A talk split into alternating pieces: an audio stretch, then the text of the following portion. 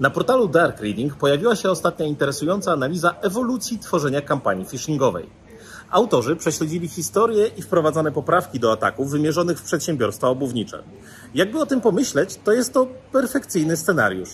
Każdy kiedyś w końcu kupi buty, ale zwykle nie robimy tego codziennie, żeby zauważyć drobne różnice w podrobionej stronie. Chyba, że jesteście żoną mojego kolegi, którą pozdrawiam w tym momencie. Atakujący zaczęli nietypowo, bo na podobnie brzmiącej domenie postawili domyślną skórkę sklepu internetowego, nie siląc się nawet na udawanie marki, którą podrabiali. Dopiero po kilku dniach pracy nad stroną zaczęła ona przypominać oryginał. Sposób ten pozwolił na lekkie zwiększenie zysków, no i złapanie większej ilości osób. Zdziwilibyście się, ile osób nabiera się nawet na oczywiste próby oszustwa.